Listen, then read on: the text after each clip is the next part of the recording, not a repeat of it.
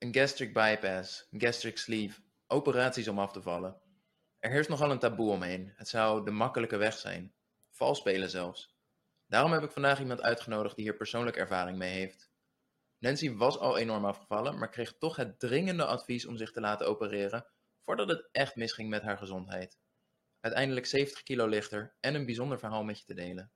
Als je dat nog niet hebt gedaan, abonneer je dan op de Gezond en Fitkast. Er komen nog veel meer toffe gasten aan. Je kunt Nancy en mij vinden op Instagram, at Nancy's Way en at Juri-fitcoach. Die staan ook in de beschrijving van de podcast. Genoeg introductie, laten we Nancy erbij halen. Nancy, welkom in de podcast. Hey, Even een heel kort om een plaatje te schetsen, zodat wij uh, de diepte in kunnen duiken. Als ik het goed heb, eind 2019 woog jij 130 kilo en werd je geopereerd voor de gastric sleeve. Ja. Uiteindelijk 70 kilo afgevallen na je operatie. En dat is het laagste gewicht, maar daarna ben je volgens mij ook weer wat aangekomen, toch? Het is niet dat je stabiel bleef op uh, 60 kilo, zit je dan? Nee, ik ben, um, uh, ja, wat is het, 8 kilo aangekomen, maar ook weer afgevallen. Het wisselt heel erg, uh, zeg maar, net wat mijn doelen zijn en Ah, ja. op welk moment ik, zeg maar, het welbekende bulken en kut Ja. aan het uitvoeren ben. Ja. Maar inderdaad, ik ben wel iets aangekomen, maar dat is ook maar goed, want enorm dunne was niet gezond. Waar ligt voor jou een beetje dat je zegt dat is wel een comfortabel gewicht? 60 was dus aan de lage kant, zeg je? Nou, ik had altijd in mijn hoofd, ik moet 60 kilo wegen, want dan heb ik een gezond BMI. Als we nu naar mijn BMI kijken, ben ik namelijk nog steeds een obese. Of overgewicht, ik weet eigenlijk niet waar die ondertussen staat. Maar ja, dat is super raar, want hè, als je naar mijn lichaam kijkt, dan denk je echt, nee, dat klopt helemaal niet. Dus ik heb altijd dat BMI, zeg maar, ehm, in de, ja, als soort van eh, leidraad gehouden om, oké, met 60 heb ik een gezond gewicht. Maar ja, dan zie je je lichaam en dan zie je van, oké, dit is helemaal niet gezond. Dus toen ben ik inderdaad gewoon echt heel bewust weer wat gaan eten, aankomen en Ja. ja, tot ik me gewoon goed voelde. Hoe komt dat, denk je? Is het, is, is het dat je na de operatie zoveel spiermassa bent verloren, dat je dus inderdaad ehm, zo licht moet zijn om maar gezond gewicht te halen? Ja, geen idee. Ik, tuurlijk, je bent zwaar, dus je hebt veel spiermassa.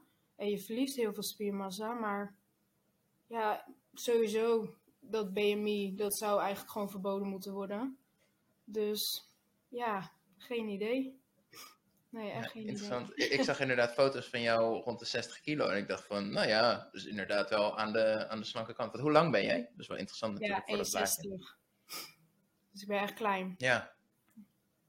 Ja, nou ja, dus inderdaad, dan, dan zit je gezonde marge een beetje, wat is het, tussen de 54 en 62 of zo? Nee, ik kan me niet voorstellen als je daar nog 6, 6 kilo was afgevallen. Ja, moet je nagaan. Want inderdaad, ik was bij 60 net aan op het stukje overgewicht, gezond Ja. Dus moet je nagaan. Ja, dat is inderdaad. Ja. ja, Hey, er heerst nogal wat stigma en taboe rondom de maagoperaties. Ik word dan ook erg vaak om mijn mening erover gevraagd. Het zou een makkelijke uitweg zijn, vals spelen zelfs. En eh, jij leek me wel de juiste persoon om daar een ander licht aan te geven. Ja. Lijkt mij namelijk, de beslissing voor een maagverkleining, dat maak je niet zomaar. En eh, daar gaat hopelijk een hoop aan vooraf. Ja, In je zeker. jeugd was jij een eh zeer fanatieke handbalspeler, hè? Ja. Hoeveel, hoeveel sportte jij een beetje? Waar moeten we aan denken? Ehm, nou, ik heb echt wel vijf, zes keer per week getraind. En ik heb ook wel weekenden dat ik nog bijvoorbeeld een eh, ja, B-jeugdspeler was. Dat ik bij de A's inviel, de dames 3, de dames 2. En dat ik soms echt wel vijf wedstrijden in een weekend speelde. Eh, ja, je bent kind, dus hè, dat is hartstikke leuk. En nou ja, ik vond het alleen maar fijn om lekker te sporten.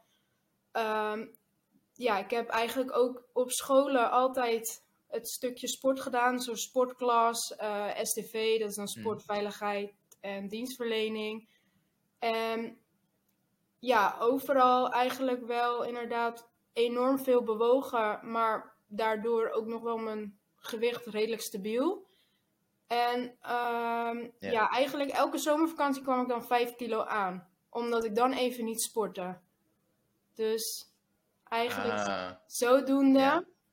ben ik langzaam steeds iets zwaarder geworden.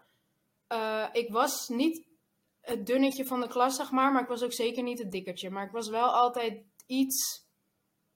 Ja, als ik naar de GGD moest bijvoorbeeld, dan, dan had je die lijn en was je er net Mm. buiten.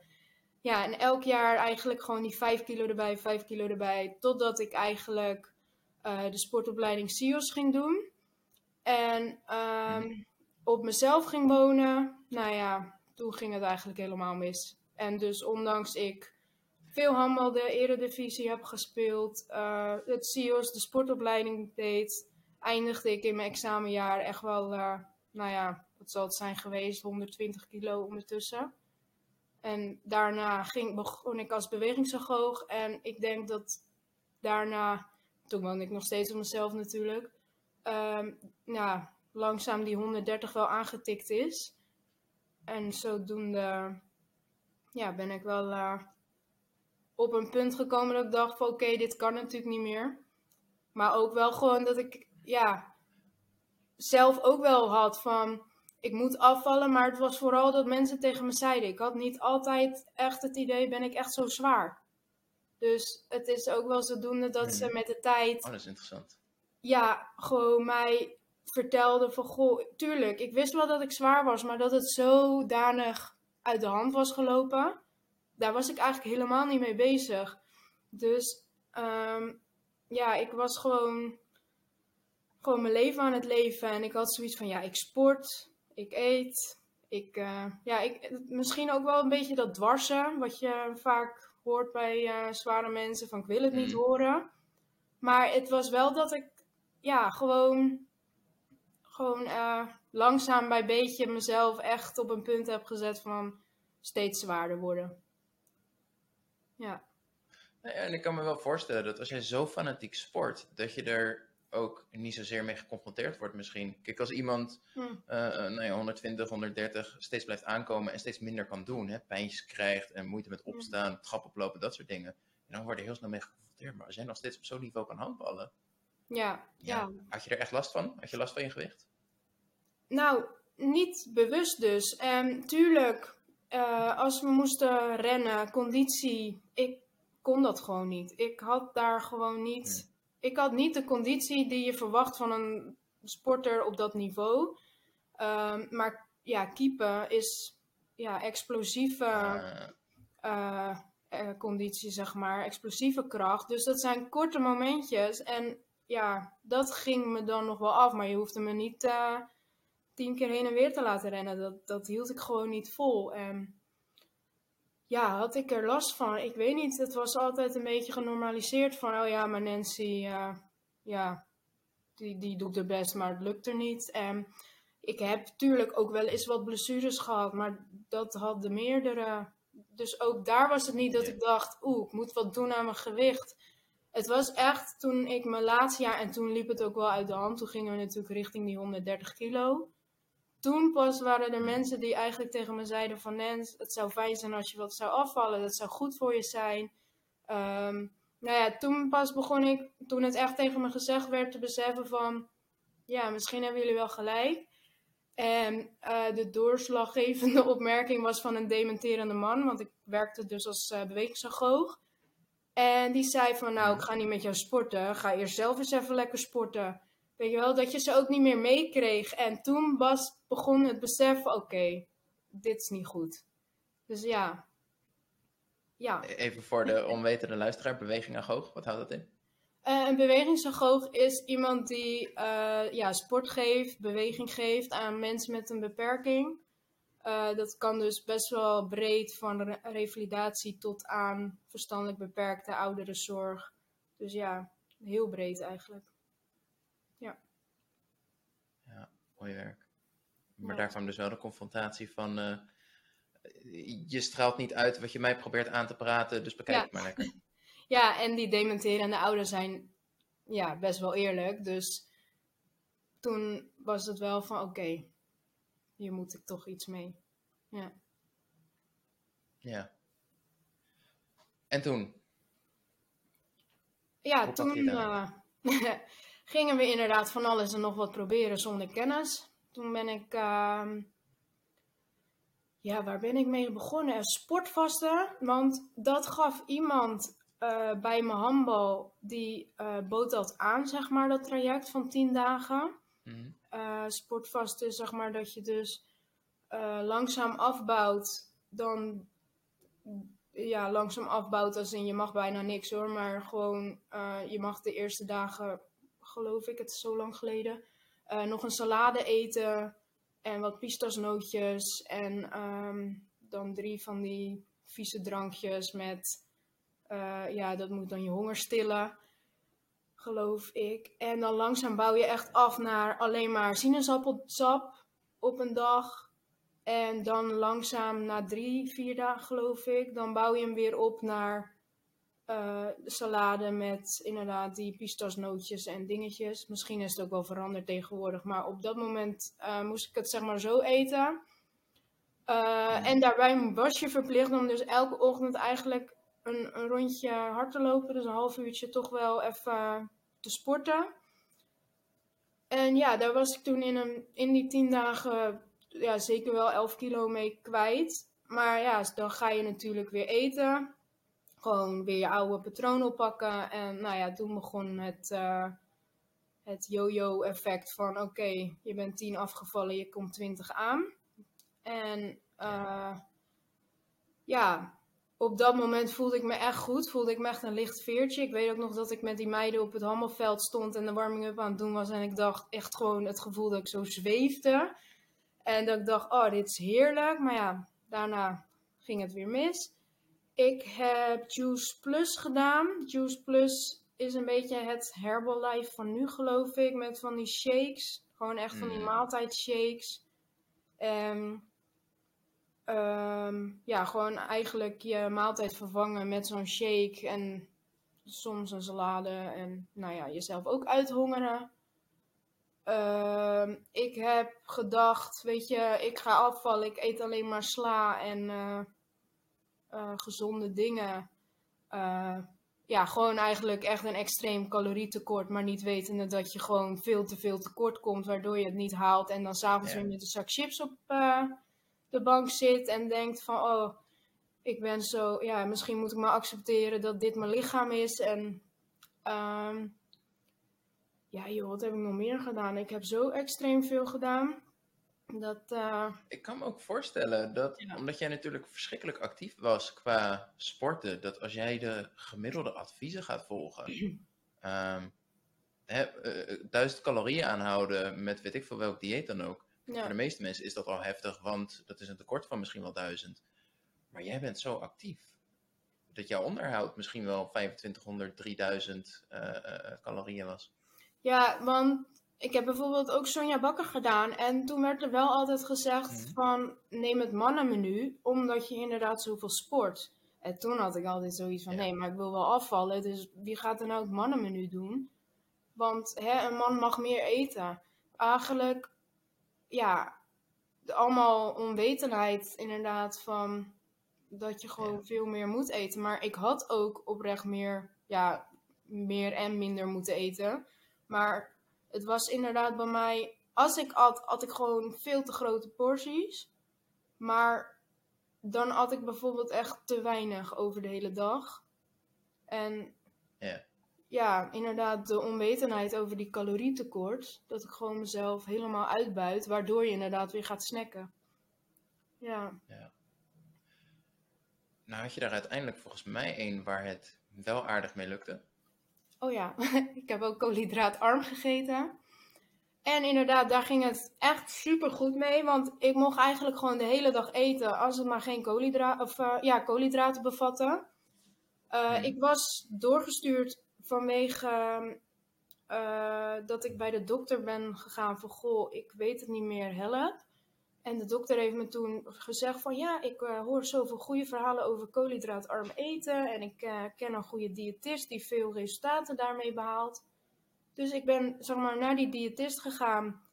En ja, die begon inderdaad met um, het koolhydraatarm eten over dus je rijst vervangen voor... Um, uh, broccoli en bloemkoolrijst, je pasta vervangen voor, voor courgettini of zoiets. Dat zijn gewoon mini-mini courgette draadjes. Ja, alles dus groenten en eigenlijk gewoon die koolhydraten. En eh, dat ging me zo goed af dat ik daar ook wel een beetje in door ben geslagen.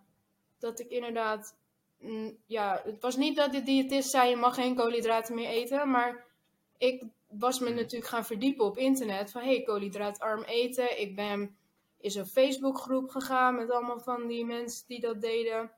En daar stond dan inderdaad in van, van vervang dit voor dit, vervang dat voor dat. En nou ja, het ging me zo goed af dat ik daar wel een beetje, ja, toch wel kan zeggen dat ik daarin doorsloeg. En ehm, gewoon bijvoorbeeld elke dag een stuk biefstuk at als lunch en avondeten. Een stuk kip. Uh, dat eigenlijk gewoon, tuurlijk, je hebt het nodig, maar als je dat alleen maar eet, dan krijg je natuurlijk veel te veel vet in. En dan krijg je het verhaaltje van uh, slagroom is goed voor je. Kaas is zeg maar de meest vette kaas, is goed voor je. Uh, ja, wat heb je nog meer? Gewoon echt alles wat vet is, dat ging ik dus eten. En zelfs het groente werd steeds minder. En nou ja, je ging zelfs broodjes maken van, van ei en slagroom. En dat klopte je op. En dan mocht je wel van die, ik weet niet of ik het goed uitspreek, psylliumvezels of zo. En daar kon je dan wel weer een beetje je broodje mee binden. Daar deed je dan weer een plak kaas op. En nou ja, het was zo extreem veel vet. Maar ik viel af. Dus het, voelde in eerste instantie super goed. Maar ja, uiteindelijk ehm, voelde ik me gewoon super ziek worden en niet meer goed. En als ik ging eten, dan kwam het er letterlijk van voor en achteruit. Dat ik ook niet meer het binnenhield. En ja, enorme steken in mijn onderbuik inderdaad. Dus ook in het ziekenhuis. Ik ben één keer zelfs naar spoedeisende hulp geweest van, van dit is niet goed. Hebben ze inderdaad blinde darm gecontroleerd. Al die dingen gecontroleerd. Uiteindelijk naar de MDL-arts. En ook die konden in eerste instantie niet iets vinden waarvan ze dachten van... Oh ja, dit is het. Ik heb... Uh, ja, hoe noem je dat? FODMAP Ehm, moeten oh eten om te kijken of ik inderdaad allergisch ben of uh, ergens op reageerde. Um, dat was dan ook weer mentaal een dingetje, want dan moest je ineens een week brood gaan eten. En dat kon echt niet, want mm. hè, brood maakt je dik. Ja. En ja, daar sloeg ik toen echt... Voor, voor zij die dat niet kennen, voor zij die dat niet kennen, FODMAP, dat is... Um, volgens mij heet het een eliminatiedieet, toch? Dat je inderdaad zegt van Um, er zijn een heel aantal producten waarvan we weten, daar reageren sommige mensen slecht op. En dus eerst halen we alles uit je dieet en vervolgens één voor één voegen ze weer toe. Om te kijken waar reageer jij oké op en waarop niet. Ja, inderdaad. En dan begin je geloof ik zes weken lang, ik durf het niet 100% zeker te zeggen, want ook dit is heel lang geleden, maar dan geloof ik dat je zes weken lang echt heel neutraal gaat eten. Dus inderdaad geen gluten, geen um, lactose, geen, nou ja, noem het allemaal op. Maar inderdaad de dingen waar mensen op reageren. En dan inderdaad stuk voor stuk ga je het weer toevoegen om te kijken, reageer je ergens op? Dus ja, dat moest ik inderdaad doen. En nou ja, er kwam ook niet echt iets uit. Wel dat ik bijvoorbeeld niet tegen aardappel kon. En tegen varkensvlees en oh ja, melk. Dus niet per se de lactose, maar meer de, de melksuiker, geloof ik, was het een beetje een ding. Ehm, want kwark ging goed, maar als ik, dat heb ik dus nu nog steeds, als ik een glas melk drink, dan ja, gaat het zeg maar mis. En ehm, ja, toen dacht ik, nou, dat is het probleem. Dus daar ben ik toen mee gestopt inderdaad. En gewoon rustig weer verder met mijn koolhydraatarm eten. En uh, eigenlijk kwam toen ineens de MDL-arts met van, ja, je lever is best wel overvet. Want ze hadden toen ook, zeg maar, een uh, uh, echo en ehm, ja, zo'n cameraatje die in je gaat en weet ik het allemaal, om maar te kijken wat is het. En nou ja, daar maakten ze zich toch best wel zorgen om. En eigenlijk zodoende uh, werd toch wel aangeraden om me in, eens te gaan verdiepen in maagverkleining. En ja, eerst had ik echt zoiets van maagverkleining. Uh, ik ben nog zo jong en ja. nee. En, en, wat jij dus hebt, het is de makkelijke weg. Dat vond, ik voelde me zwak als ik dat zou doen. En het voelde niet als dit. Het voelde niet goed op dat moment, zeg maar. Maar ja, hun hadden me eigenlijk naar huis gestuurd met van ja, ik zou je er toch maar eens in verdiepen. Want dit kan niet zo verder. En um, ja, toen had ik echt zoiets van: oké, heb ik het dan echt zo bond gemaakt? Ik denk dat dat ook wel het moment, ondanks ik daarvoor aan het afvallen was, het moment besef kwam van: oké, je bent je leven op het spel aan het zetten, om even zo te zeggen. Gewoon je gezondheid op het spel, misschien is dat beter gezegd. En ja. Um, ja, toen ben ik met mijn moeder ook gewoon naar die introductiebijeenkomst uh, gegaan. En um, heb ik het eigenlijk gewoon een beetje op me af laten komen. En langzaam met het idee kwam ik er wel een beetje bij van oké, ja, dit is misschien mijn uitweg. Dit moet ik gewoon gaan doen om mijn gezondheid te gaan redden. Dus dat was zeg maar, de laatste. Want op, op, op, dat punt was je qua gewicht op zich in een dalende lijn. Was het probleem dan de manier waarop je afviel dat dat zo slecht voor je lever was? Ja, zeker. Want die vetten die ik dus alle. Tenminste, kijk, ik was te zwaar. Dus die vetten, die zaten er sowieso al. Ik had gewoon geen gezonde uh, lifestyle. Ja. Alleen die, die, dat koolhydraatarm eten heeft, heeft wel echt een flinke trap nagegeven. Dat ja, mijn lever er zo slecht aan toe was. Dat die echt overvet begon te raken. En dat het gewoon gewoon gevaarlijk werd, zeg maar. Dat dat echt benoemd werd door het ziekenhuis. Ja, dus ja, het koolhydraatarm eten heeft bij mij wel uh, me niet veel beter laten voelen qua gezondheid. Ondanks ik inderdaad al 20 kilo kwijt was. Ja. Ja. Ja. En toen werd je daar geïntroduceerd en ingeleid. En uh, wat was voor jou het moment, oké, dit, dit moet gebeuren? Um, ik denk toch wel naar die introductie. Dat ik echt dacht, ja, misschien is dit wel het moment dat ik inderdaad gewoon eindelijk dun kan zijn. Eindelijk dat sportieve lichaam ook daadwerkelijk krijg. En inderdaad om mijn gezondheid te redden. Dus eigenlijk na die introductie ging ik er heel erg over nadenken. En ja, ik, het, het, begon langzaam een beetje te wennen. Al voelde ik me wel zwak. Ik durfde het ook niet echt met iemand te bespreken. Uh, mijn moeder had in eerste instantie ook zoiets van: Nou, nee, dit, dit, dit moet je niet doen. Die, die, ja, die was er ook niet helemaal voorstander van. Maar mijn gevoel bleef eigenlijk wel zeggen: Nee, ik ga dit gewoon doen. Want ik moet eigenlijk na zoveel pogingen die ik heb gewaagd, gewoon een oplossing hebben. En als dit mij gaat helpen om mijn gezondheid te redden, dan gaan we dit gewoon doen. Dus ja, toen begon het eigenlijk wel langzaam een beetje erin. Uh, ja, in van oké, dit ga ik doen. Echt ja. na die uh, Want, wat, wat was het risico wat ze jou, waar ze jou wezen van oké, stel je had gezegd ik ga dit niet doen. Wat zouden de mogelijke gevolgen zijn? Nou ja, dat mijn lever dus zodanig overvet raakte, ongezond, dat inderdaad, uh, ze hebben benoemd een transplantatie. Dat inderdaad, dat ik daar echt op moest waken, dat het echt gevaarlijk werd.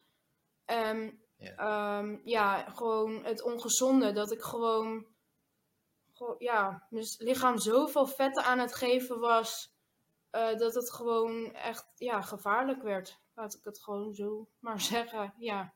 Ja. Ja. Dus jij werd er eigenlijk op gewezen van het is er zo slecht aan toe dat jouw keuze eigenlijk is of we gaan nu deze operatie doen of je loopt het risico dat je binnen nu in een paar jaar een transplantatie nodig hebt.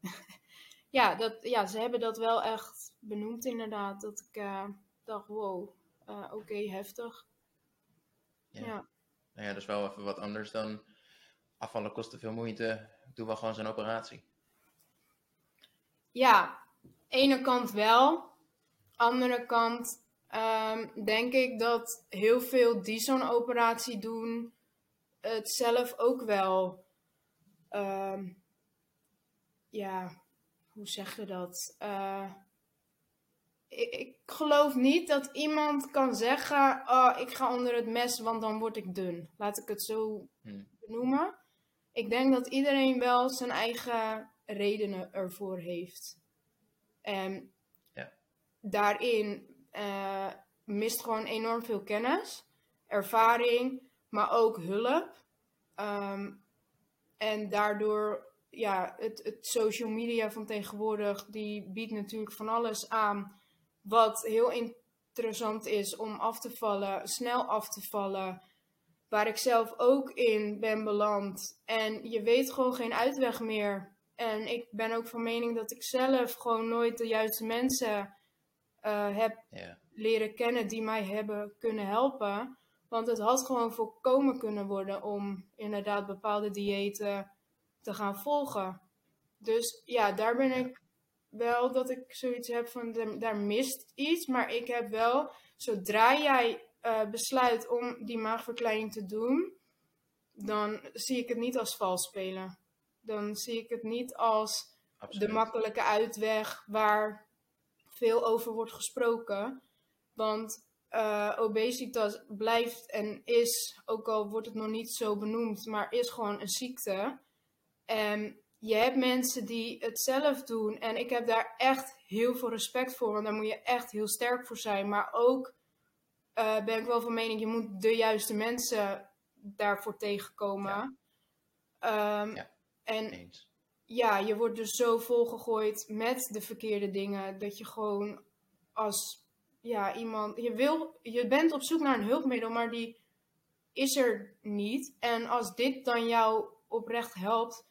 Ja, ik weet niet. Ik denk wel dat iedereen er goed over nadenkt en niet zomaar de, de beslissing neemt. Maar omdat er inderdaad zoveel taboe heerst op het vals spelen en het. ehm, eh, ja, makkelijke weg kiezen. Dat, dat ja, je, je, niet weet wat iemand met zoveel gewicht meemaakt. Laat ik het zo zeggen. Dus net zoals iemand die anorexia heeft. Je denkt gewoon, als ik iemand zie, tuurlijk, ik weet beter. Maar als ik iemand zie, dan denk ik, eet gewoon, doe niet zo moeilijk. Maar dat is bij ons hetzelfde. Eet gewoon niet, doe niet zo moeilijk. Ja, dat, het, het blijft een beetje hetzelfde. En het zit gewoon echt in dat koppie. Dus ja, ja. dat eh, ja, is wel mijn mening. Zou jij, zou, zou jij met je kennis en ervaring van nu denken dat jij de ehm, operatie niet meer nodig had zou hebben? En dat vind ik dus echt heel moeilijk. Want ik, heb, ehm, ik ben dus inderdaad heel erg gaan verdiepen in voeding. Ik heb de opleiding voedingsconsulent gedaan. En toen werd er ineens verteld: ehm, waarom doe je niet gewoon. Of eh, je moet gewoon een calorietekort eten. En toen dacht ik: really? Is het echt zo makkelijk? En ja, je kan zeggen makkelijk, want het blijft natuurlijk in dat kopie. eh, zeg maar wel dat je de juiste dingen moet eten. Dan komt daarnaast natuurlijk nog het verhaal over suikers eten. En dat je dan, ehm, eh, ja, als je eenmaal een eh, reep KitKat eet, dat je wel aan die calorieën komt. Als je het maar in je calorieën tekort zit. Maar inderdaad dat je dan een suikerspiegel eh, hebt die omhoog gaat, waardoor je nog meer honger hebt. Dus weet je, dat komt er allemaal wel bij kijken. Zo makkelijk is het niet, denk ik dan. Maar het is wel. Eenvoudig is denk ik het juiste woord. Sorry? Eenvoudig is denk ik Oh. het juiste woord. Of simpel. Het is inderdaad, uiteindelijk gaat het over de calorieën. Ja, Ja, het is alleen niet, hè, het is kort door de bocht om te zeggen, het is makkelijk. Je moet gewoon Ja. binnen die calorieën eten. Dat is natuurlijk Nee, niet het hele plaatje. er komt veel meer bij kijken, inderdaad. Dus weet je, aan de ene kant denk ik, ja, misschien had, het wel, had ik het wel gekund met de kennis. In ieder geval een poging willen wagen. Maar Ja. ja, het, het, ja het, het mentale, het stukje wat er allemaal bij komt kijken. Ik weet niet of ik het had gered. Nee, dat, dat vind ik een hele moeilijke vraag. Ik heb er heel vaak over nagedacht, maar ik weet het niet. Ik weet het echt niet. Ik denk ook wat vooral een interessante is, is ik denk, nou ja, voor jou was dit gewoon de juiste keuze op het juiste moment. Ehm, maar ik kan me heel goed voorstellen dat dat jou nu wel met kennis die je nu hebt in een, ehm, in een rol en een positie brengt. Van hey, je hebt best wel groot bereik. Veel mensen die lezen jouw verhaal, zien jouw verhaal en zitten met vergelijkbare vragen. Jij bent nu de persoon die de adviezen kan geven die jij destijds nodig had. Van hey, je hoeft Ja. niet alle koolhydraten te vermijden, het gaat om die calorieën. Kijk daar eerst eens naar. Mhm. Ja, ik eh, probeer dat ook eigenlijk. Ik heb ook, ehm, want je hebt zeg maar verschillende mensen die echt alles hebben geprobeerd. En dan heb ik zoiets van, ja, maar heb je inderdaad wel al eens eh, je BMR uitgerekend? Eh, heb je inderdaad daaronder gegeten? Kan ik je daar inderdaad eh, eventjes een setje mee in de rug geven? Dat is wel wat ik inderdaad altijd aanraad om gewoon eerst te doen voordat je inderdaad de operatie start. Wat ik ook heel vaak hoor, dat ik toch wel een beetje denk van jeetje, je, je zegt dat je zoveel hebt geprobeerd, maar je bent nog nooit bij een diëtist geweest. Ja, ik vind het dan wel raar dat je dan wel zegt, oh, ik wil maagverkleining. Nee, dan is voor mij Ja. niet dat ik denk, oh ja, je hebt er echt alles aan gedaan. Want een diëtist is wel iemand die er echt voor geleerd heeft. Al moet ik zeggen dat ik ook een mening heb over diëtisten. Maar ja, ik heb wel zoiets van: ik wil wel voordat je die keuze maakt, eh, dat je er goed over nadenkt. Inderdaad, ik probeer inderdaad mensen wel eerst van: probeer dit eens. Maar ik zeg er wel altijd bij, of tenminste, ik zeg het niet, maar uiteindelijk zeg ik dan wel altijd van: van oké, maar als dit niet werkt in je kopie, dan inderdaad, eh psycholoog heb ik ook wel eens aangeraden van, goh, ga daar dan eens over praten en ehm, Ja. kijk inderdaad of het dan lukt. Maar als het, als, ja, bepaalde mensen zijn gewoon te ver om het nog voor elkaar te krijgen. En even hard gezegd, zijn gewoon zwak van binnen om het te kunnen. Dan denk ik, ze willen heel graag, dan zou ik het wel aanraden. Dus ik ben wel altijd in gesprek met ze van, goh, dit, dit, dit. En ik raad het ook aan, maar het is niet dat ik ze echt iedereen zeg, oh, neem een maagverkleining, want hè, dat is zo fijn en makkelijk. Dus inderdaad, wat je zegt, dat probeer ik wel eerst. Maar bij sommige mensen merk je gewoon, nee, dit, dit is geen, geen eh, oplossing meer, laat ik het zo zeggen. Ja, Ja. ja, dat iemand dus gewoon al zo ver is. Ja. ehm, gewoon niet sterk genoeg meer staat in zijn schoenen om inderdaad te zeggen, ik ga er nu nog vol voor. Ja, dan kan Ja. het inderdaad helpen dat je eerst de operatie hebt. En ehm, nou ja, dat, eh, ik bedoel, als de kilo's dalen en jij ook weer vrijer kan bewegen bijvoorbeeld, ja, dan is het veel interessanter om eh, vanuit die basis, vanuit die nieuwe situatie, om inderdaad gezonder te gaan leven. ja, ja. Ja, het zou nog mooier zijn als er gewoon een soort traject komt in Nederland. Die wel een, een zij-instroom maagverkleining heeft, maar eerder een traject heeft inderdaad van je lifestyle aanpassen. Echt die focus daarop leggen. eh, het bewust van zes keer eten, bewust ehm, van wat is goed voor je lichaam, waarmee kan je je lichaam voeden. Eh, ja, en dan pas inderdaad van oké, wat gaan we doen? Ja, Maar dat zou ik zelf persoonlijk nog mooier vinden. Want ik heb wel het idee dat de kennis bij de meeste ehm, ja, gewoon echt ontbreekt. Maar ook na een maagverkleining, zeg maar. Dus als jij, want ze doen, dus jij hebt zeg maar wel een voortraject bij een maagverkleining. Alleen, het is heel basic. Het is een beetje, je kan het op voedingscentrum.nl vinden. En als je een andere vraag hebt, weten ze het eigenlijk niet. Dus dat, ja, dat vind ik wel, dat, dat daar iets meer kennis, passie en ervaring in gegooid mag worden. Maar eigenlijk zo'n voortraject ook gewoon veel meer eh, kan hameren op inderdaad, wat is een gezonde lifestyle. En dat doen ze wel hoor, maar dus heel basic. En inderdaad, dat je daarna altijd nog van oké, jou lukt het niet, maar wat heb je nodig? Dat er veel meer uit elkaar getrokken wordt. Want ja, een maagverkleining is gewoon wel echt een heftige operatie. En ik ben oprecht blij dat ik hem heb gehad. Maar je bent er dan nog niet. Dus ja, daar, dat zou ik heel tof vinden als zoiets opgezet wordt. Dat daar iets Ja. meer uh, aandacht nee, aan volgens, mij, besteed wordt. vol- volgens mij is dat wat ze proberen met de GLI, de, de, wat is het, gecombineerde leefstijlinterventie. Ja. Maar ja, waar ze daar volgens mij op stuk lopen is gewoon het stukje prijs. Ik bedoel, ja, je, je kan niet iedereen één op één met en een psycholoog en een diëtist, et cetera, et cetera. eh, Ja. kan je niet heel intensief begeleiden. Dus je krijgt allemaal groepstrajecten en het is het allemaal net niet. Ehm, ik denk wel interessant om, om gewoon terug te gaan naar jouw eh, eh, ervaring. Want je hebt denk ik op den duur een beslissing te maken. Welke operatie wil je? Hoe is dat voor jou gegaan? Eh, nou, je, je had die informatiebijeenkomst, wat ik al eerder aangaf. En daarin wordt dan inderdaad verteld van een stukje gastric sleeve, gastric bypass.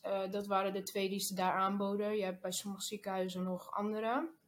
Maar ja, dan word je in het voortraject gegooid. En ge- ja, volg je eigenlijk gewoon al die eh, ja, bijeenkomsten inderdaad. Ehm, de arts die vertelt dan heel erg eh, eh, wat een bypass en een gastric sleeve is en wat het doet. En ehm, ja, langzaam wordt het een beetje van, van ja, verdiep je erin. En ik ben ook, nou ja, met mijn groepsgenoten ga je erover praten. En ehm, eh, bij die informatiebijeenkomst werd gezegd, ja, een sleeve, daar val je niet genoeg mee af. Ehm, als je ook in het buitenland gaat kijken, wordt een sleeve heel veel ingezet bij mensen die echt al boven de 200 kilo zijn. Die, ehm, eh, ja, je hebt zeg maar, als je geopereerd wordt, dan wordt je lever aan de kant gehaald, maar die is dus vet. En als die te vet is, dan mogen ze geen bijpas uitvoeren, omdat ze die, ehm, eh, ja, dan kan je bloedingen krijgen vanwege dat je lever beschadigd wordt of zo. Iets, en ehm, ja, dat is dus wat ze in het buitenland doen. Dat ze eerst een sleeve geven en dat ze dan later die bijpas eh, aanbieden. Eh, dus ik had echt in eerste instantie nee. Gastric bypass. Gastric bypass gaat mij helpen. Want hè, een sleeve, ja, dan val ik dus een beetje af, maar dan ben ik er nog niet. En met het traject begon ik toch wel ook me te gaan verdiepen. Ehm, ja, ik weet niet. Ik had zoiets van. oh, ik, had, ik had nog een kinderwens. Ik. ehm, eh, ja, wou wel gewoon blijven sporten. Vitamines worden beter opgenomen bij een sleeve dan een bijpas. Ik weet niet, die hele ombouw begon ook een beetje zo van, hmm, ben ik hier wel oké mee?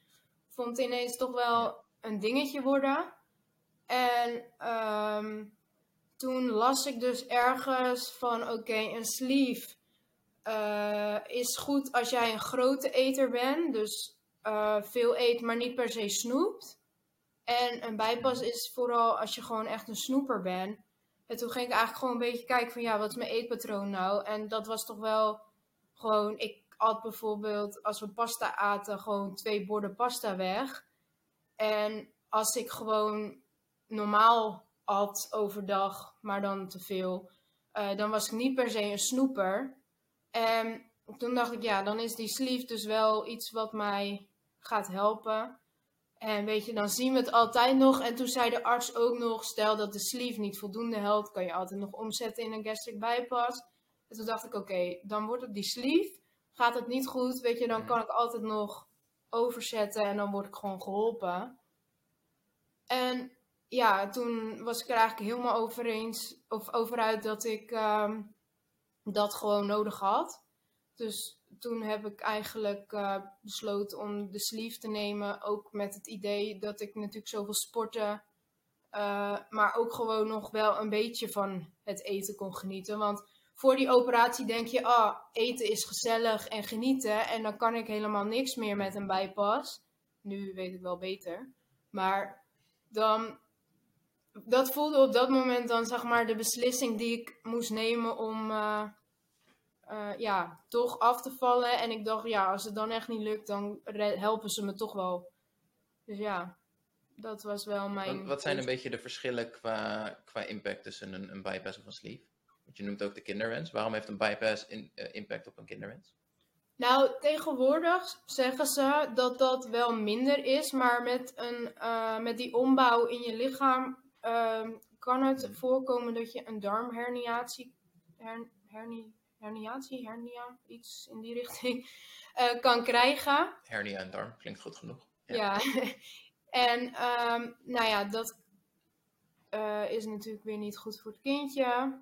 Ehm, eh, die vitamineopname. Nou ja, met zwangerschap heb je gewoon goed je vitamines nodig voor het kindje om te laten groeien. Dat was een dingetje bij mij. Maar ze zeggen tegenwoordig dat het niet heel veel meer uitmaakt. Maar toch dacht ik bij mezelf, ja, ik weet niet, die, die gastric bypass vond ik gewoon heel spannend. Met het idee dat ik dus nog kinderwens had en er wel een risico aan zat. Ja, En toen werd je geopereerd. En toen? toen had ik heel veel pijn.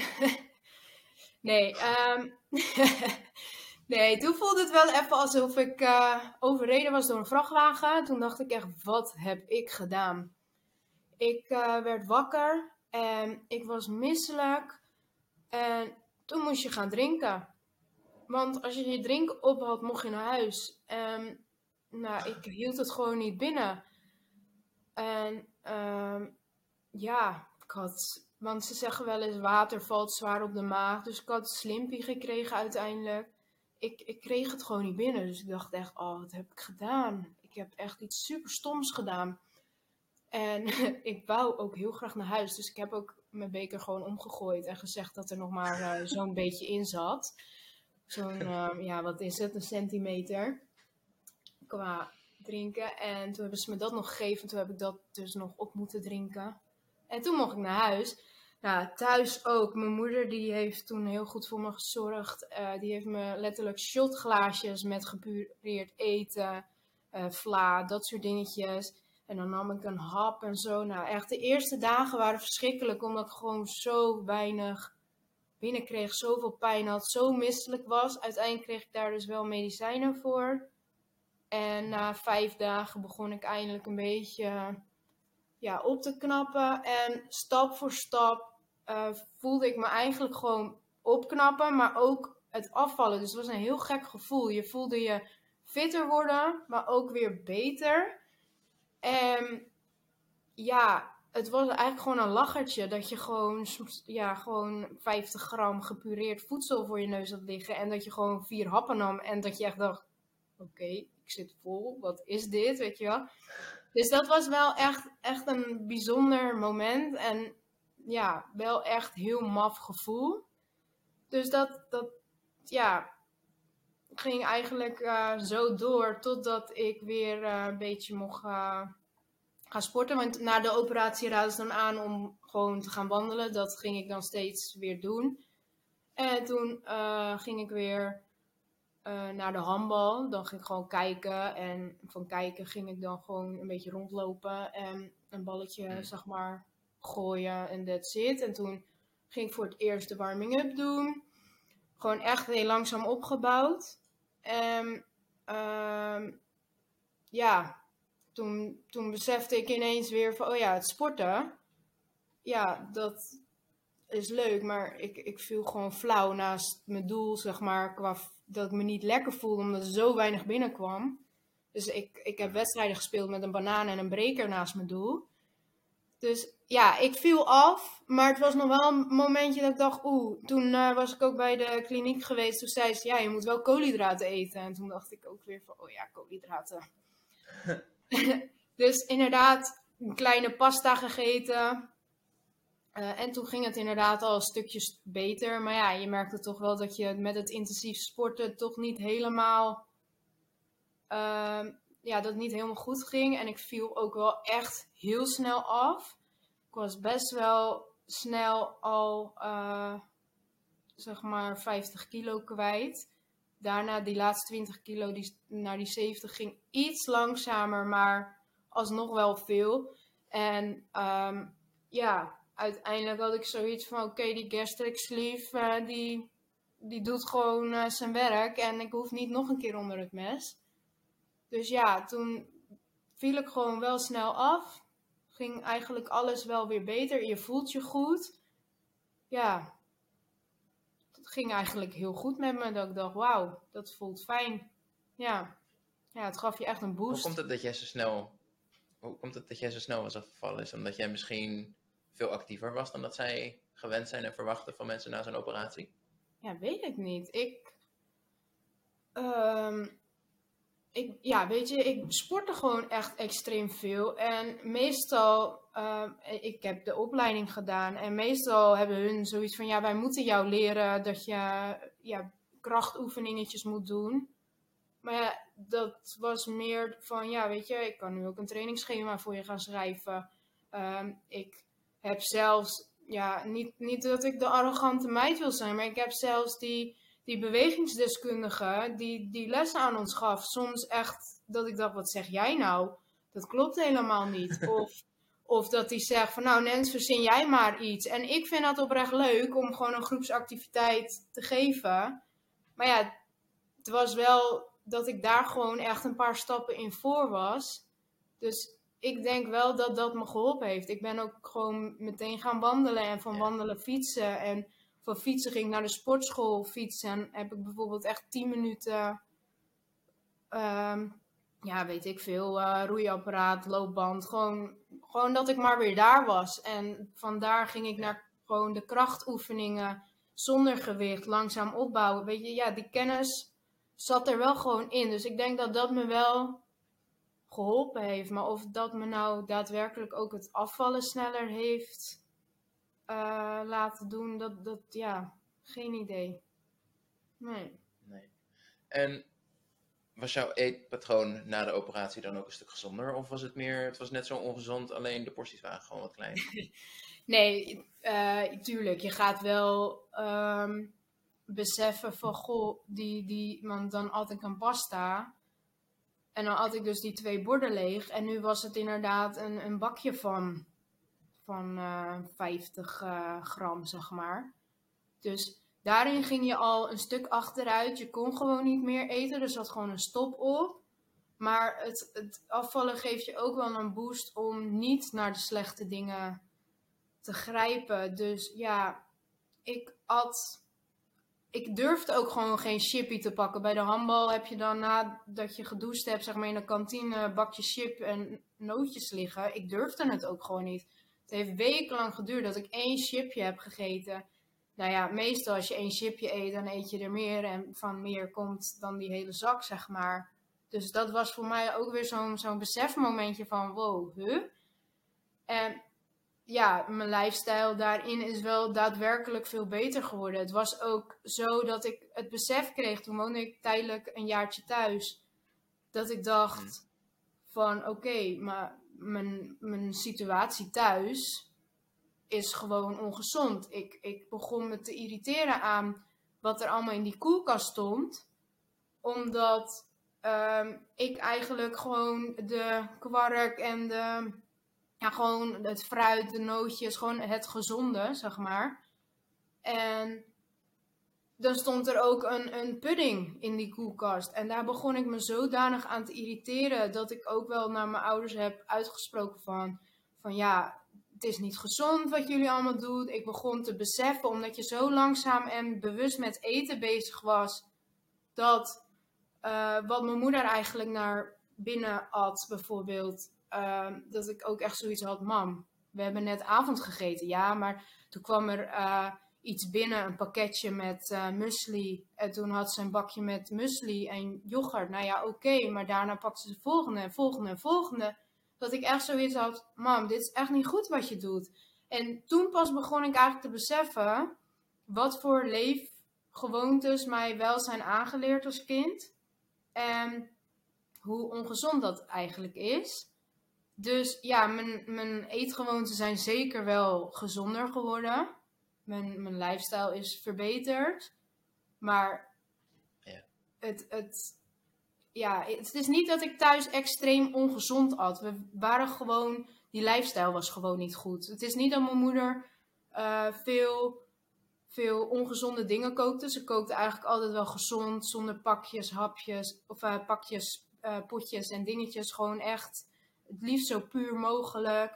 Um, ja, dat, dat deed ze dus wel echt bewust. Alleen daarnaast kwam gewoon heel veel uh, kijken. En ik denk dat dat het stukje is geweest waar ik gewoon de kennis niet van had. En um, het besef van, goh, dit is niet gezond. Al die kleine dingetjes die je dan naar binnen werkt.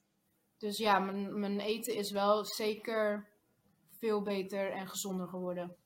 Ja. Wat ik vaak zie na zo'n operatie is lichamelijk gaat het natuurlijk heel hard. Alleen mentaal heeft het vaak veel meer tijd nodig. Zeker op het gebied van zelfbeeld. Zo van, hè, iedereen om me heen die ziet dat ik 50 kilo, 70 kilo ben afgevallen. Maar zelf zie ik nog steeds dezelfde persoon in de spiegel. Hoe is dat voor jou gegaan, dat stukje zelfbeeld? Nou, in de spiegel zag ik wel een andere persoon, maar in mijn hoofd was ik gewoon nog de oude ik. En dat heeft mij ook echt wel lang ehm, ja, in de weg gezeten hoor. Ik uh, heb bijvoorbeeld dat we een EHBO-dag hadden op werk. Dat een collega van me zei van nou ga jij maar liggen. En dan moesten we zeg maar een, uh, ja, een, een sleep, slepen, zeg maar. Hoe je iemand wegsleept als hij in gevaar is. En toen had ik zoiets van, nou, dat ga ik niet doen, ik ben nog zwaar. En toen zat hij echt zo, maar je bent nu dunner dan ik. Of dat je bij de handbal bij iemand op de rug moest springen en dan moest je naar de overkant van het veld rennen. Dat ik echt zoiets had van, ja, ga maar op mijn rug, want uh, jij houdt mij niet. Dus ja, dat soort opmerkingen heb ik wel vaak gemaakt inderdaad. Dat ik daarna dacht, maar, huh, nee Nens, je bent nu gewoon dun, dus huh. Dus ja, dat heeft wel lang nog een rol bij mij gespeeld inderdaad. Dat ik daar nog helemaal niet in mijn kopie was. Maar als ik dan in de spiegel keek, dacht ik wel van, oh ja, dit ben ik. Dus dat heb inderdaad echt wel veel tijd nodig gehad. Ja. En nou was in eerste instantie de oorzaak of de reden van de operatie was je lever. Hoe is het daar ondertussen mee? Uh, ze hebben dat nog wel eens gecontroleerd inderdaad. En die is inderdaad gewoon met het afvallen. Want voor de operatie uh, was ik gewoon verder gegaan met uh, het afvallen. Want je krijgt natuurlijk handvaten mee, hoe gezonde leefstijl. En uh, na de operatie wordt er veel gefocust op eiwitten. En dat willen ze dus eigenlijk dat je dat voor de operatie al doet. En ik moest toen ook 5 kilo afvallen. of iedereen moest toen 5 kilo afvallen om je lever te laten slinken. En dat ging eigenlijk al best wel snel goed. Dus um, ja, die lever was geslonken, dan kon je geopereerd worden en zo. Ik heb er ook nooit meer wat van gehoord betreft uh, de chirurgen. Want ja, ik dacht misschien heb ik dan zo'n bloeding omdat hij super vet is. Maar ja, hij zag er heel goed uit. En ik moet ook zeggen, in dat traject was ik ook al hmm. richting de 30 kilo afgevallen in totaal. Met dan die 20 van die uh, uh, koolhydraatarm eten. Dus ja, toen ook met dat shaken, dat die laatste week. Ja, ik denk dat ik toen de operatie, volgens mij stapte ik de operatie in met 111 kilo. Nee, 108 kilo. Dus toen was ik. Nee, ik zeg iets geks. Ik weet niet meer hoeveel. Maar in ieder geval, ik was al flink afgevallen. En daardoor um, was het eigenlijk al redelijk goed geslonken. Dus ja, toen ging het al de goede kant op. Ja. Een mooie, ja. Dan gaf je hem al aan, de kinderwens. Zo'n zes maanden geleden geloof ik ben je moeder geworden. Ja, nou kan ik me voorstellen dat als jij het, zeven ondertussen zelfs, ja. Um, hoe was dat voor jou? Want dan ben je zoveel afgevallen en vervolgens zie je je lijf weer groeien. Ja, vond ik moeilijk. Vond ik echt heel moeilijk. Ik heb ook niet echt van mijn zwangerschap kunnen genieten. Zoals je wel eens hoort, leest en doet. Dat, dat mensen hun buik omarmen. Ehm, ik vond mezelf ook echt een lelijke buik hebben. Uh, ook omdat ik natuurlijk gewoon die losse huid. Ik had gewoon buik. En dan zo'n flubbertje eronder. De, de huid was zodanig uitgerekt dat er eigenlijk nog veel meer baby in had kunnen zitten, zeg maar. Dus er was nog ruimte over, waardoor ik me eerder dik voelde dan zwanger. En natuurlijk, dan probeer je jezelf gewoon om te praten van uh, probeer het mooi te vinden en uh, weet ik het allemaal. Maar ik had er wel mentaal veel moeite mee. Ik uh, vond het, ja, niet fijn om zwanger te zijn, laat ik het zo zeggen. Ja. En dan vervolgens daarna? Is het dan dat voor jou ook gelijk super belangrijk is om zo snel mogelijk weer af te vallen? Of was het daarna ook wel dat je er vrede mee had en gewoon kon genieten van het moment en uh, nou ja, het nieuwe moeder zijn?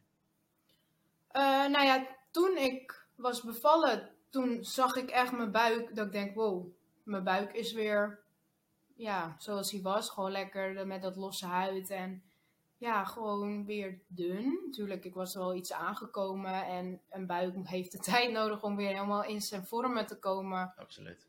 Maar het voelde gewoon meteen wel weer dat ik dacht, wauw.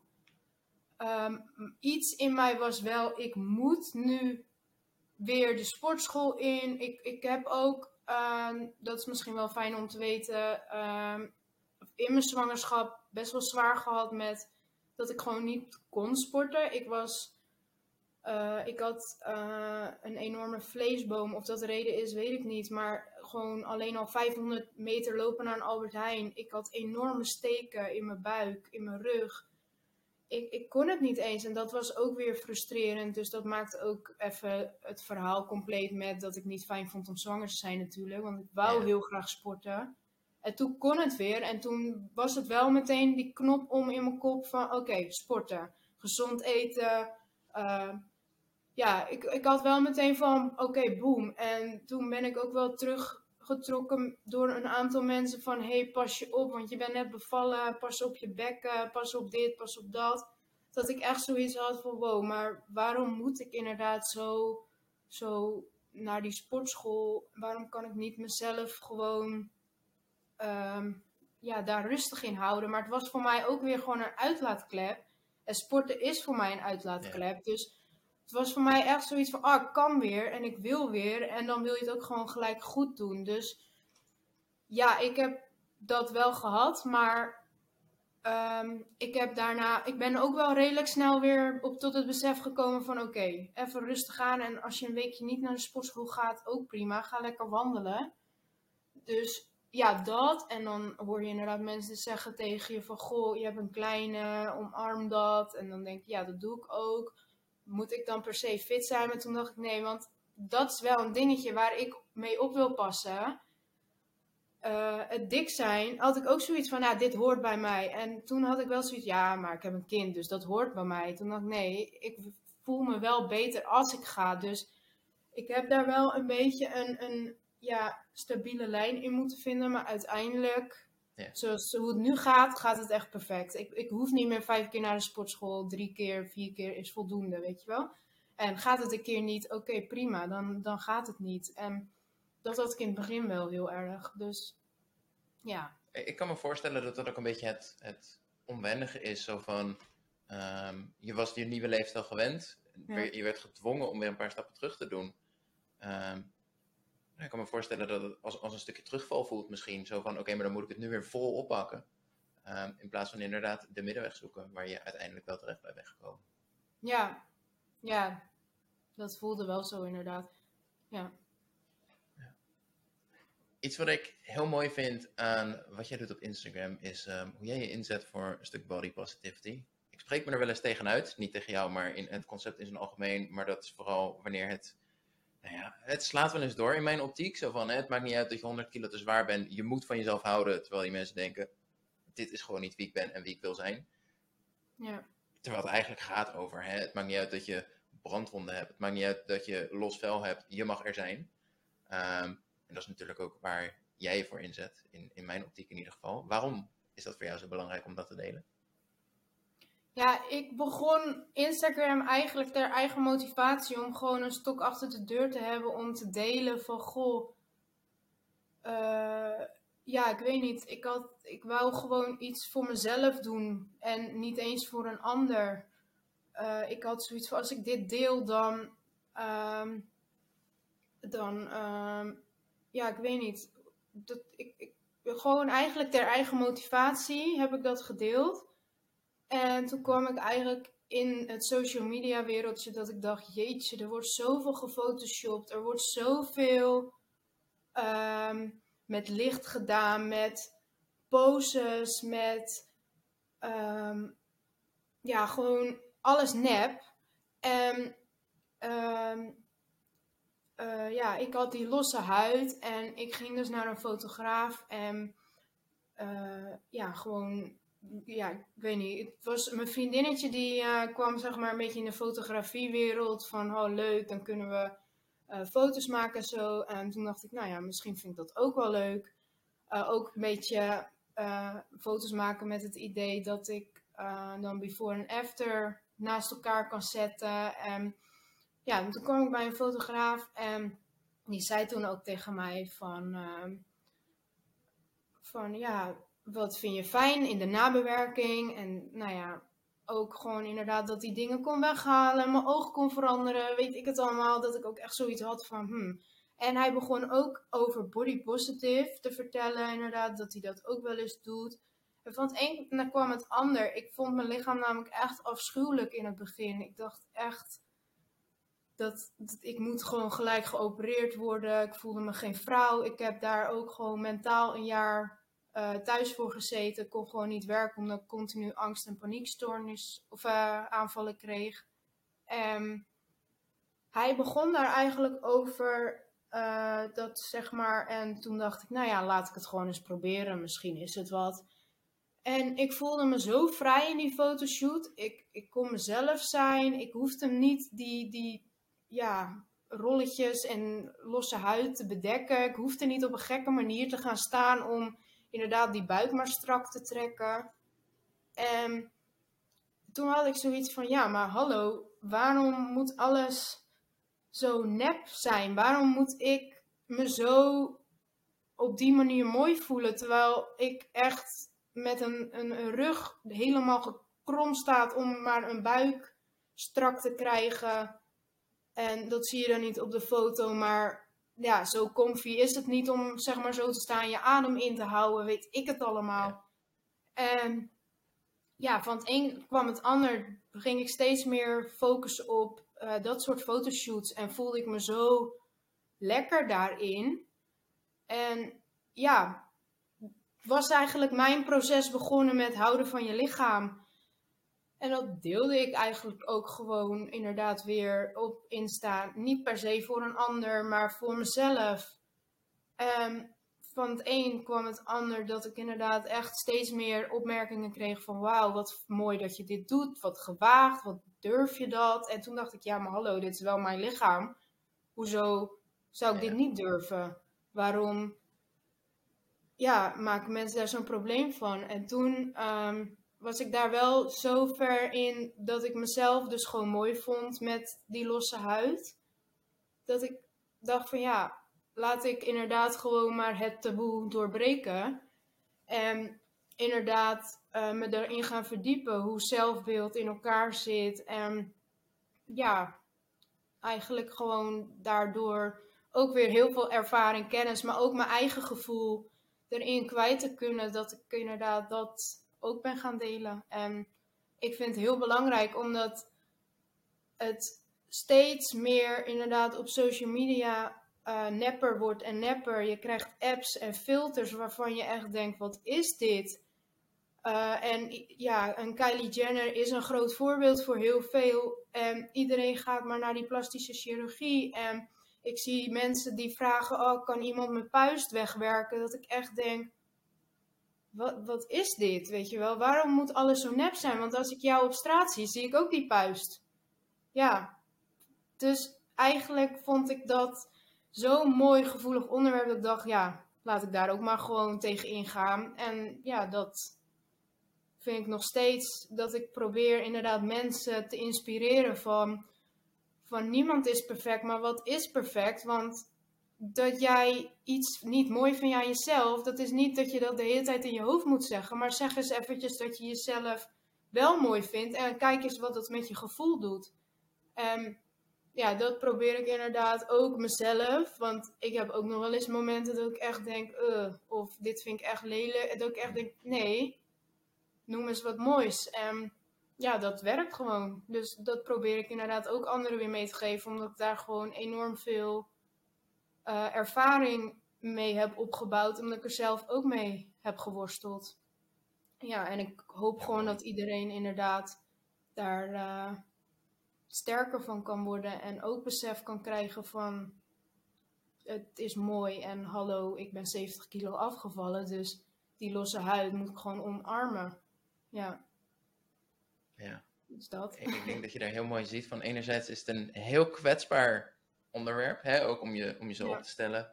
Maar uh, nou ja, je komt bij mij wel over als iemand die, uh, die best voor de eigen mening op durft te komen en daar gewoon voor durft te staan. En dus inderdaad dat je op die manier gewoon een voorbeeld bent voor de mensen die denken, ik heb dit ook en ja, is dat oké, mag dat er zijn? En dat jij gewoon zegt, natuurlijk, ik heb het ook en ja, het mag er zijn. Um, Ik denk dat je op die manier heel veel mensen inderdaad inspireert. Ja, zeker. We hoeven niet allemaal een face swap poppetje te zijn. Dus ja. Precies. Tot slot, uh, Women's Best, een kledingmerk waar jij mee samenwerkt, geloof ik. Hoe is dat tot stand gekomen? Ja, eigenlijk ook door Insta. Gewoon, um, ik heb natuurlijk de focus op vrouwen en um, heel erg willen inspireren en zo. En uh, het merk is ook specifiek voor vrouwen. En eigenlijk vroegen ze of ik gewoon wou samenwerken. Dus dat was eerst gewoon van, van nou ja, we sturen je wat kleren op en uh, ja, in ruil voor foto's. En ja, dat ging eigenlijk van het een naar het ander. Gewoon echt een vaste samenwerking. Um, ik word zelfs nu betaald, maar ook gewoon. Ik heb namelijk ook met andere sportmerken samengewerkt. En ik had wel zoiets van, van dit is wel echt een merk waar ik achter sta. Ook um, de manier van hoe hun inderdaad vrouwen inspireren. En niet alleen maar uh, het, het perfecte plaatje, maar ook inderdaad. Ze hebben bijvoorbeeld een atleet die um, het syndroom van Down heeft. Ze hebben curvy modellen. Ze hebben uh, culturen. Ze hebben echt van alles en nog wat. En dat vind ik heel mooi van het merk. Dat, dat er allemaal mag zijn. Want dat is eigenlijk ook wat ik natuurlijk uh, support. En um, ja, de andere merken heb ik toen eigenlijk achter me gelaten. En eigenlijk volledig gefocust op dit merk. Omdat ik er ook gewoon echt 100% achter wil staan. Nou ja, en ik leef er echt in. Ik vind het zo heerlijk zitten dat ik... Uh, ik werk erin, ik sport erin, uh, ik slaap er zelfs in. En ja, het is echt... Uh, ja, ik vind het echt een super fijn merk. En ik vind dat ook wel op Insta merk je toch vaak, oh, maar ik krijg het gratis, dus dan support ik of uh, dan promote ik het. Maar het is wel bij dit merk dat ik echt denk, oh, hier sta ik gewoon echt 100% achter. Dus als een ander merk komt van, oh, wil je samenwerken, dan zeg ik ook vaak nee. Uh, ik heb gewoon geen interesse, omdat ik gewoon wel eerlijk wil zijn dat dit mijn merk is, zeg maar. Ja. Dus eigenlijk gewoon van een mailtje tot, uh, ja, het doen. Mooi. Hè? Dan heb je vast wel een kortingscode of iets wat je met de luisteraar kan delen. Zeker. ik heb, uh, uh, mijn kortingscode is gewoon Nancy, maar ja, dan schrijven de meesten het weer verkeerd. Dus je schrijft het N-E-N-C-I-E. -E. En als je mij dan ook nog wil supporten, dan via het linkje in mijn bio kan je ah, ja. uh, zeg maar bestellen. En dan krijg je, of dan support je mij ook. Dan zien ze dat je via mij komt, zeg maar. Ja. Mooi. Dan zorg ik gewoon dat uh, zowel je Instagram als uh, die link in de beschrijving van de podcast staat. Kun je daar uh, kijken, kun je Nancy supporten, kun je de kleding bekijken. Het is erg mooie kleding, dus vooral doen. Ja. Is er iets wat jij nog wil toevoegen of wil delen dat je zegt dat het mag niet missen vandaag? Um, ja, wat zou ik nog willen delen? Ik denk inderdaad, geef niet te snel op. Probeer inderdaad uh, iemand te, vinden, zoals Yuri bijvoorbeeld, die je kan helpen om af te vallen, je de goede uh, handvaten mee kan geven. En inderdaad, wees ook niet bang als het echt niet lukt. Want ik denk dat Yuri dat kan bevestigen. Dat hij ook niet alleen maar succeservaring heeft of succesverhalen. Dat als het echt niet lukt, zie het niet als een zwakte, maar inderdaad, pak gewoon de kans om je te verdiepen in die maagverkleining. En durf gewoon inderdaad die stap te zetten. Het is geen zwakte, het is geen uh, makkelijke weg. Ik moet nog steeds superveel ervoor doen. En um, ja, probeer inderdaad gewoon op een goede manier af te vallen. Ik denk dat dat uh, wel het belangrijkste ja. is. En hou van jezelf. Ik denk dat dat ook uh, ja. Heel belangrijk is. Ja. Mooi. Ik denk dat wel een, een, een mooi brugje wat ik al heel voorzichtig kan inleiden is inderdaad uh, vrij recent inderdaad iemand in de coaching gehad die, uh, ik verwacht met de zes maanden tot een jaar wel in de podcast komt om inderdaad haar verhaal te delen, waar inderdaad de conclusie was van we hebben echt aan alles gewerkt en in, in, in theorie staat je leefstijl als een huis met de operatie, na de operatie gaat het je helemaal lukken. Op dit moment, het lukt daar gewoon niet, ze kreeg het niet voor elkaar en uh, nee. nee, dat we het erover eens waren van ja, dit is voor jou op dit moment inderdaad de juiste beslissing. Um, ik maak me er dus ook geen zorgen over haar leefstijl na de operatie. Dat zit mm. helemaal goed. Zij zegt ook, ja, weet ja. je, super blij met coaching, maar op dit moment is dit gewoon echt wat ik nodig heb. Ik wil niet langer zo doorgaan. Um, ja, en allebei vrede over. Dus uh, nou ja, ergens over, uh, ik, ik, gok zo'n zes maanden tot twaalf maanden dat zij nog wel langskomt in de podcast. Stelde ze zelf al voor, dus leuk. Oh ja, super mooi inderdaad. Ja, die, ja. Ja. Heel erg bedankt voor het luisteren. Als je nog niet geabonneerd bent op de podcast, doe dat dan vooral. Nancy, ik wil jou heel erg bedanken dat je er was. En uh, tot de volgende aflevering.